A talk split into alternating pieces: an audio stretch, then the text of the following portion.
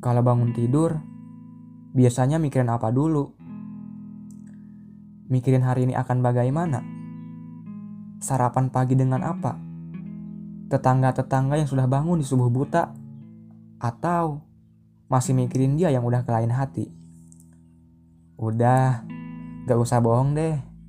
Kelihatan kok dari mukanya. Mending sana mandi dulu, sarapan pagi, terus berangkat menjalani hari khusus untuk hari ini gak ada di antar-antar dulu. Biasakan dengan kesendirian biar bisa hidup mandiri. Ternyata semesta tidak selalu mendukung. Semesta memang unik. Semesta tidak bisa kita tebak.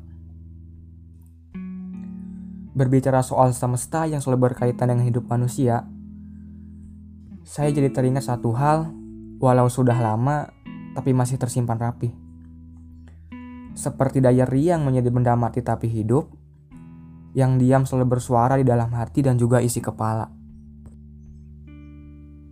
Perihal disukai atau menyukai, sayang atau menyayangi, melupakan atau dilupakan, itu perihal pilihan bukan? Jadi, waktu itu saya pernah menyukai seseorang. Bisa dikatakan, itu hal yang paling terindah, sekaligus juga terburuk. Apa yang saya suka, dia juga suka.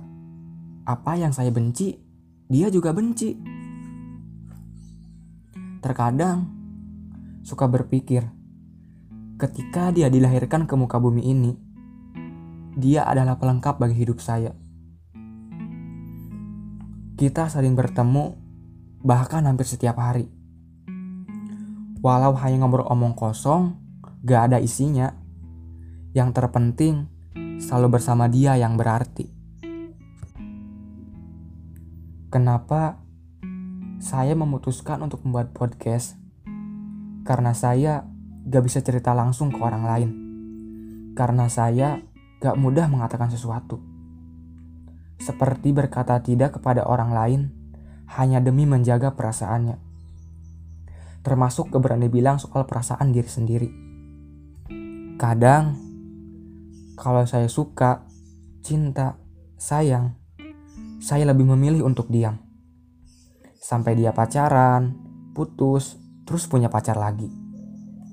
Karena dirasa salah bila dipendam, bila disampaikan sama besar resikonya.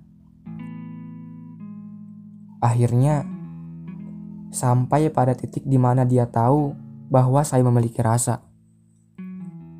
Waktu itu, sekitar jam 10 malam, dia tiba-tiba kirim pesan menanyakan perihal perasaan saya.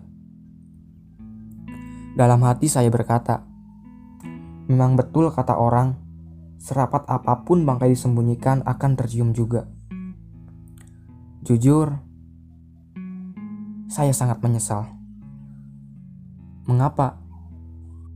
Ternyata waktu itu dia juga memiliki perasaan yang sama. Ketika saya tahu dia juga merasakan hal yang sama, di situ saya langsung merasa jadi orang yang paling bodoh alam semesta ini. Gak usah diceritakan kali ya, setelah kejadian itu apa karena saya dan dia gak mungkin bersama. Ada yang ia cari, gak ada di saya. Tapi separuh dari perasaan saya akan selalu jadi punya dia.